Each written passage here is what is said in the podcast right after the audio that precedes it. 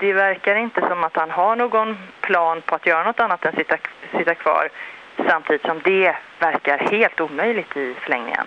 Ja, Kajsa Boglin tror alltså att Mohammad Morsi kan tvingas att sluta som president. Mohammad Morsi valdes till president av det egyptiska folket förra året. Och det var ett rättvist och demokratiskt val. Men många egyptier har blivit besvikna på honom.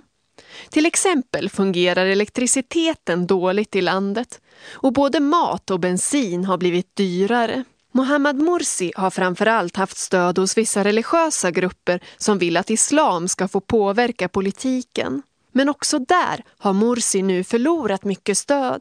Tidigare i historien har Egyptens militärer tagit över makten med våld. Och nu har de återigen blandat sig i politiken. Under dagen har militärens ledare haft möten med flera viktiga grupper i Egypten. De har träffat ledare både från den kristna kyrkan och från muslimska grupper och med politikern El Baradei. Han är den viktigaste politiska motståndaren till president Morsi.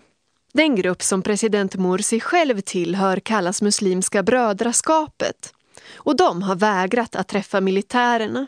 En som vet mycket om Egyptens politik är forskaren Siad Ekl. Han säger att Muslimska brödraskapet har massor av medlemmar.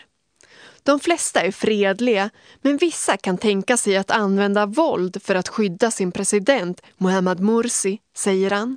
The Muslim Brotherhood does control something like a minimum of one million people. Yani. At least 25,000 are actually militant.